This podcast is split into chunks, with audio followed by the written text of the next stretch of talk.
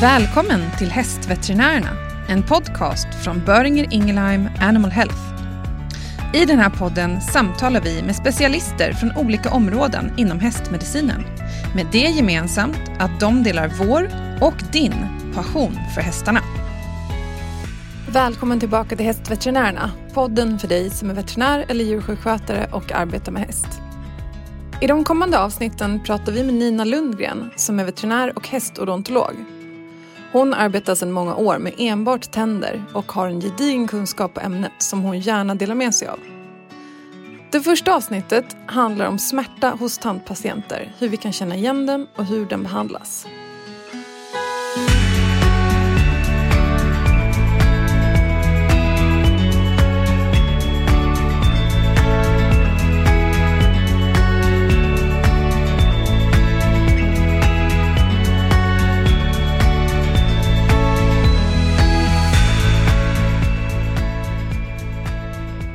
Welcome to the podcast, Nina. Thank you. Nice to be here. Can you tell us a little bit about yourself, uh, your background, and also what you do?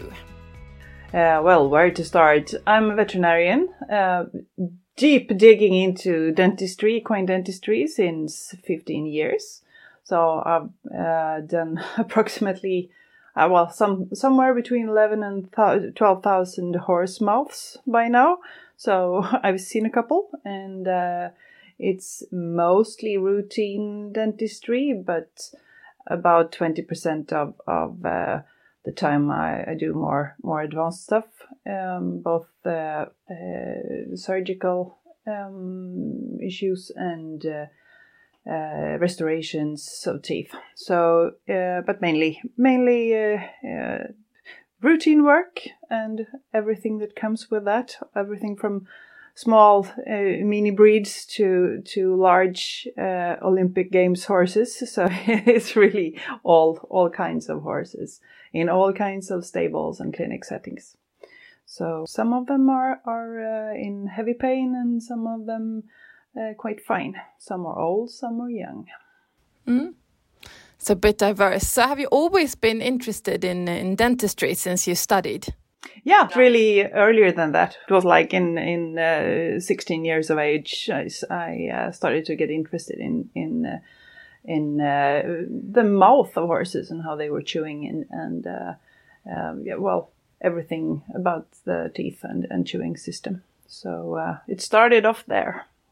Mm -hmm. Do you have any um, any extra courses or educational certificates that you took after your veterinary studies? Yeah, I uh, jumped on the, the course at uh, or the the program at SLU um, with uh, Torbjörn Lundström and uh, Owe Wattle and uh, became an equine odontologist after three years of, of uh, specialization. And uh, after that, I've, uh, of course, joined a lot of courses in VetPD regime and uh, also uh, other other uh, arrangements around in Europe, and uh, it's it's always so fun. It's both the the courses in itself, but also to to uh, join up with colleagues and and uh, talk about all the different cases and and problems you run into during your daily practice.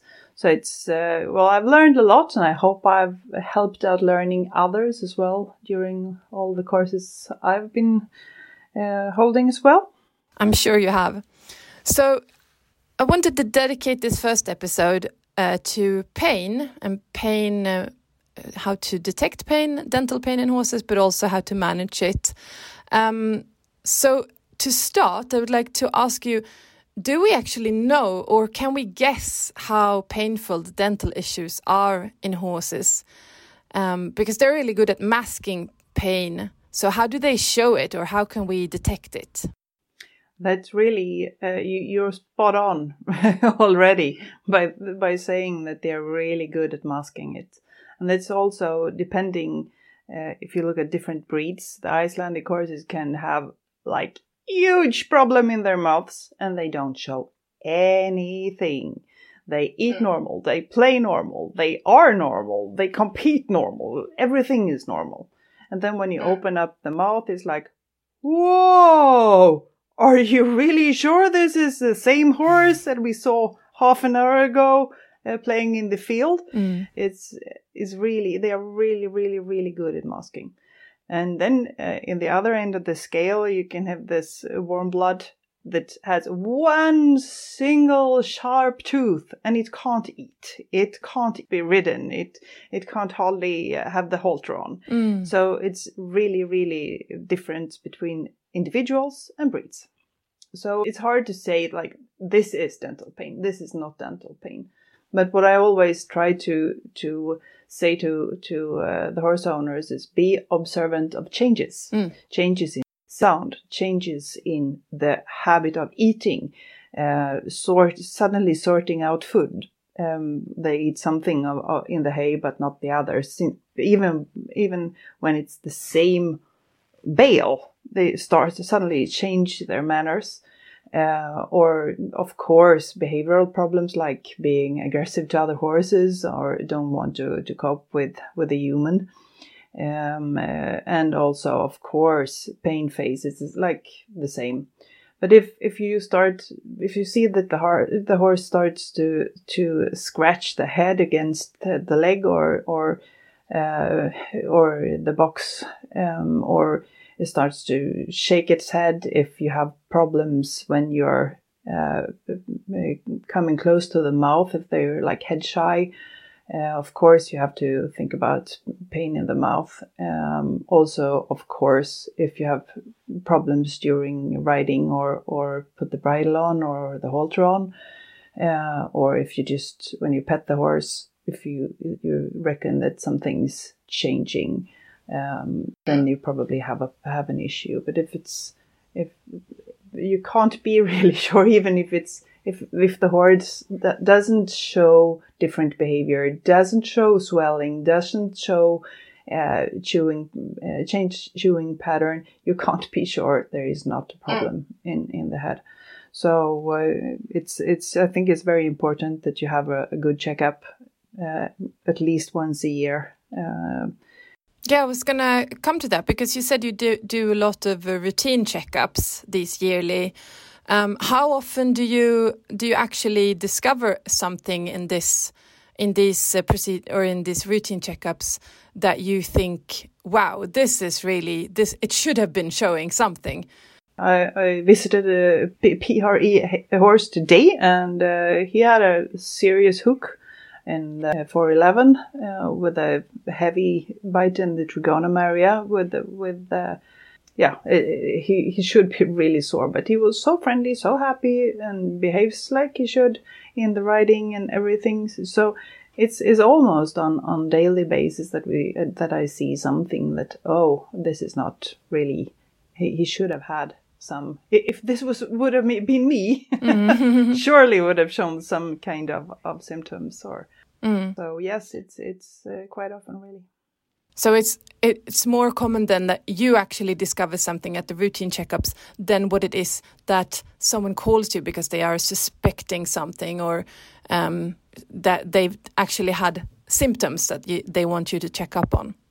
um, yes when it's the first visit um, when I have uh, uh, my old customers that have the routine checkups every year or every six months, they they learned to to feel that ah now he's starting to to get go against the bit and starting to toss his head uh, when I do something, and and now I see the signs, uh, and in those cases they they are probably uh, they know what to, what to look for, and then when I come out there, it's yeah, look here, it's exactly as you said, it's is uh, he's got uh, blisters here or uh, damage to the mucous membrane here or a hook there. So Mm.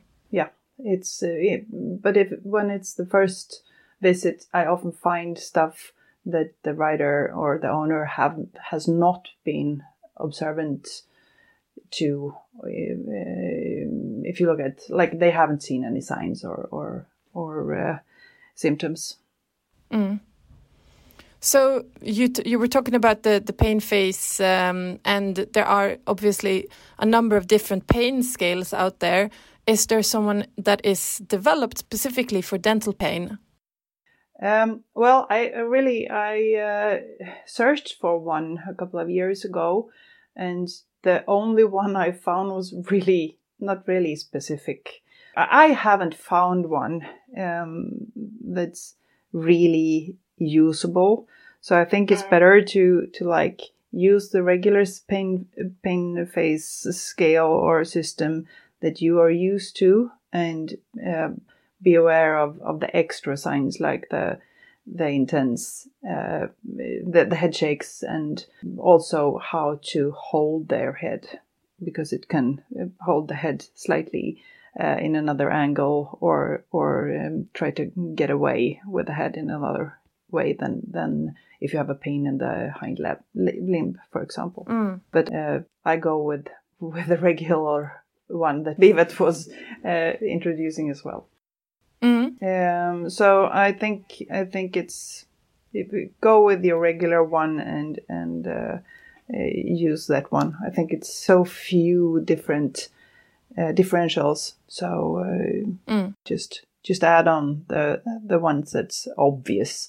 Uh, the like pain scale for the, the the face will will express this approximately the same signs. Yeah. But you will have of course extra extra signs like like head shyness that you wouldn't have if you had hind limb pain. Yeah. If they show anything. yeah, exactly. exactly. And with the Icelandics, be super observant. Yeah, yeah. But then I'm curious about, for example, then the Icelandics uh, or uh, any other horse that where the owner really has not suspected anything or the horse didn't really show any symptoms. Um, is there? Can you still tell that you have had a successful uh, treatment or procedure afterwards? I mean, maybe they would stop doing something that they were doing, but the owner considered uh, normal. You, you know what I mean? Yeah, I do. Uh, and, and that's a good question, really. Um, often you uh, find that the horse will be more happy. Dental pain are often, except, except for fractures, but dental pain are often uh, progressing pain. The, the most common one is damage to the mucous membranes. Um, because of sharp teeth, and that doesn't come over overnight. So the horse gets used to it. Uh, regarding fractures, it's um, sometimes it's um, because of the decayed tooth. So then it's not like happening that the actual fracture would happen suddenly, but Mm. but maybe the horse had have had pain because of the caries before. So when you take away the problem, suddenly the horse shows completely new behavior. Mm. And maybe he'd been eating a bit slow or uh, didn't play around in the in the pasture as he did one year ago, but suddenly he gets his his uh, old patterns back, and and uh, that's one way to see it. And sometimes you won't see any big difference, but if you don't address the problem when you find it, then you will probably have even worse situation in two months, and then the horse will maybe show signs. Mm. So it's well, it's it's important to learn the owners how to see that something is hap- have happened in the mouth and something need to be addressed.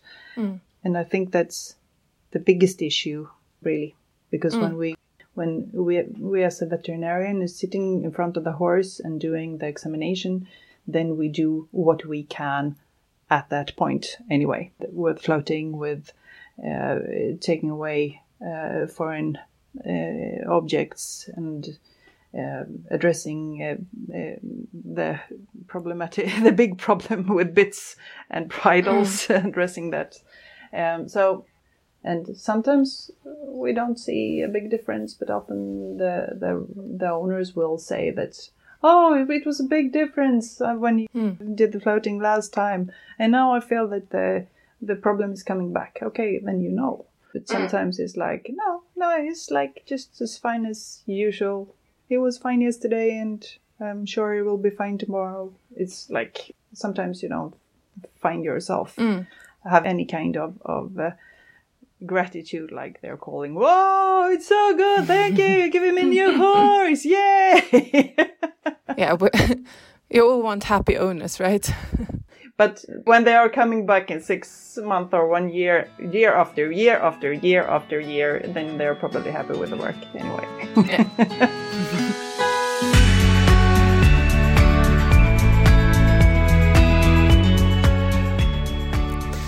So moving on then from um, from how to detect the pain, if if they display it at all, um, what about pain uh, treatment? How would you optimize uh, pain pain management really in these horses? Uh, let's say during, before, and during the procedure. To start with. Um, by the routine dentistry, I uh, um, just go with my regular sedation protocol. Uh, if it's an old horse or a horse that I uh, that I know is doing some intense chewing on, on the mouth gag, then it's probably because of pain somewhere, either in in the musculature, musculature or in the uh, TMJ, uh, temporomandibular joint, or in uh, the incisors. They're the most most common uh, pain uh, areas when they are chewing at the mouth gag. So in those cases, it's uh, often advise them to give a dose of meloxicam a couple of hours before I come there. And if that's not possible, I give them IV meloxicam. I think that's for me uh, that have been working really well. Uh, so I, I, choose that uh, in front of of uh, uh, bute or or uh, anything else. I think that's it's easy for the owner to give, and I think it's it's really really good for for dental pain and and adjacent pain. Mm. Um, so that's like the only pre med that I do uh, regularly. otherwise, I go with uh, uh, detomidine and uh, a little bit of butorphanol, and uh, I also try to regulate the the blood pressure um, the problems that you get with the with the detomidine with some acepromazine and uh, then I top up with uh, a super small dose of ketamine or maybe dia- diazepam if needed. Mm. Uh, especially for the the ketamine is fantastic for those chewers, and uh, diazepam I use more on those really stressed, tense horses mm. that I also found find especially the the thoroughbreds. Mm. So, uh, but they're really seldom. It's not. I think I, well, yeah, two a month maybe. So it's really mm. not often. But the the ketamine uh, bottle is always. I use it every day. Yeah, well, it sounds like a combination that would make anyone stand still. yeah, it is. It or is. be really calm. yeah, and, and, since I work a lot out in the stable, it's really, really, really important for me to find the perfect uh, um, mix for each hmm. individual. Mm. Um, some some horses are really unstable in, in ketamine. Uh, and some horses get this extreme locomotion effect of, of uh, butorphanol and mm. uh, some of them get really really wobbly uh, if I just get give them uh, detomidine and, and uh, uh, butorphanol. So then mm. it's just fabulous in the same dose as as uh, the detomidine. And I think it, mm. it's is really really good. And, and the only reason that I don't use it in all horses is really laziness because it's mm. you have to put the the acepromazine in uh, the passport if they're not already taken out of the food chain. So so it's it's a mix of two to four ingredients in every drink mm. for every horse. So I really I really don't want to die and I don't want to do the paperwork with the broken leg on the horse. Uh, so so for me it's really important to get them standing good mm. without any support other than the headstand because I mm. don't have any other support in the stable. Yeah, mostly. Yeah. My standard protocol for for uh, a chewing horse or a chewer is say 500 kilos. And I will give it uh, detomidine by seven milligrams, uh, along with the acepromazine, approximately 10 milligrams, and uh, then I put uh, a little hood or or uh, balls in the ears to to reduce the hearing and make sure it's really really calm in the stable. Um, seven to ten minutes later, I will give butorphanol, like six milligrams, and also ketamine, 20 to 40 milligrams and give that slowly, really slowly, and make sure that before you give the ketamine, um, put the feet where you want them. Because uh, when you have given it, they will be really, really wobbly if you try to move them the first minutes. Uh, also, when you uh, lift the head up to the headstand, do it really, really slowly. Otherwise, they can be quite wobbly. Another way, another thing that's quite wise is to tell the owner that one of five horses approximately will be quite wobbly, but that will just it will be gone in, in a minute, but it will feel like a really long minute that when they are wobbling. So it's good to, to, tell them in advance. What about uh, afterwards? I mean, uh, if you've done maybe not for the routine only floating, but if you've done a, a, a rather invasive uh, procedure, maybe even tooth extractions and so on. Um, so, what, what's your uh, optimizing pain management um, protocol afterwards? Mm. Um, uh, when it's regarding regarding to um, uh, uh, for example, extractions. Um, if it's small extractions, easy, easy extractions like uh, really old horse's teeth or, or wolf teeth, I don't give them anything.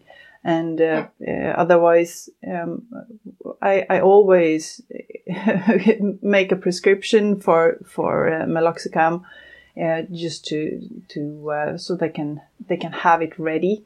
But it's not always that I I say that you need to give this for three days, four days, five days, ten days, because often when when if the extraction wasn't very very invasive and and uh, uh, that it took a lot of like two or three hours, then then often the the horse seems to be quite okay, just having the tooth out. Mm. And uh, sometimes I find the uh, healing progress to be better without uh, meloxicam and sometimes better with. Mm. And I think it's a lot to do with how the horses think about pain and how if, if they if they have if they show signs and that you like you can see in their way of feeding in their in, in the in the, the pain phase in uh, the way of, of uh, well just behave then of course it needs pain killing. Otherwise, he won't eat. And in that case, the healing won't go well. Mm. But mm. in case the horse is just as happy chap as ever, mm. then why go there with another drug for the body to handle? Yeah. Well, that's that's my major strategy. I, I yeah. provide them with with the prescription, uh, or make sure they have a dose or two at home if it's a weekend coming up. Um, but um, it's not always that I, I give it, and sometimes I, I um, use more uh, uh long acting uh, uh, uh, blocks um, for like uh, ropivacaine because it's uh-huh. several hours. It's almost double time of of pain relief. So I think that's also an alternative. Mm but often when it takes a lot of time if you have the mouth open for almost two hours then you will be sore in your tmj and your muscles. Yeah. Then then i almost always make sure that they get one dose at least but they always mm. pre-med as well. So they had for heavy for uh, already in the body for the first 24 hours. Yeah. Yeah and i guess also if you the more effective your your pre-med and uh, the anesthesia or the analgesia during the procedure is, the, the less you will have to use afterwards, I guess. Then you will have a quicker, often a quicker extraction as well when yeah, you have yeah, done your, your pre-med and, and your um, blocks yeah. and uh, the infiltration uh, perfectly because then the head will, will be standing completely still and you'll be able to do your work quickly. Mm.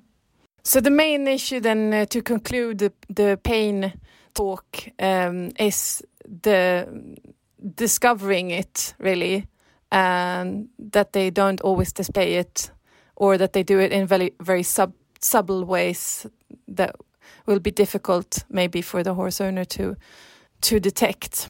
Yeah, especially if they are not aware of what to do, what to look for in in the sound when they're eating, the the how it looks when they're eating, how the manure looks.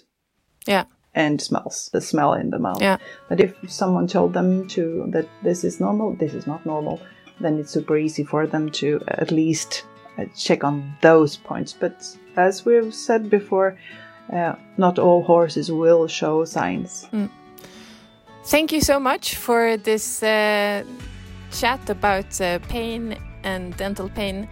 Um, in the next episode, we'll talk a little bit more about older horses, and we'll also be, of course, discussing equipment and bitting uh, in, in the coming talks. Thank you for now. Thank you. Tack för att du lyssnar på Hästveterinärerna. Om du gillar det du hör, glöm inte att trycka prenumerera i din podcastapp så att du inte missar några avsnitt. Berätta också gärna om vad du tycker genom att ge en recension. Vi tar gärna emot tips på kommande gäster och ämnen och våra kontaktuppgifter finns i poddens beskrivning.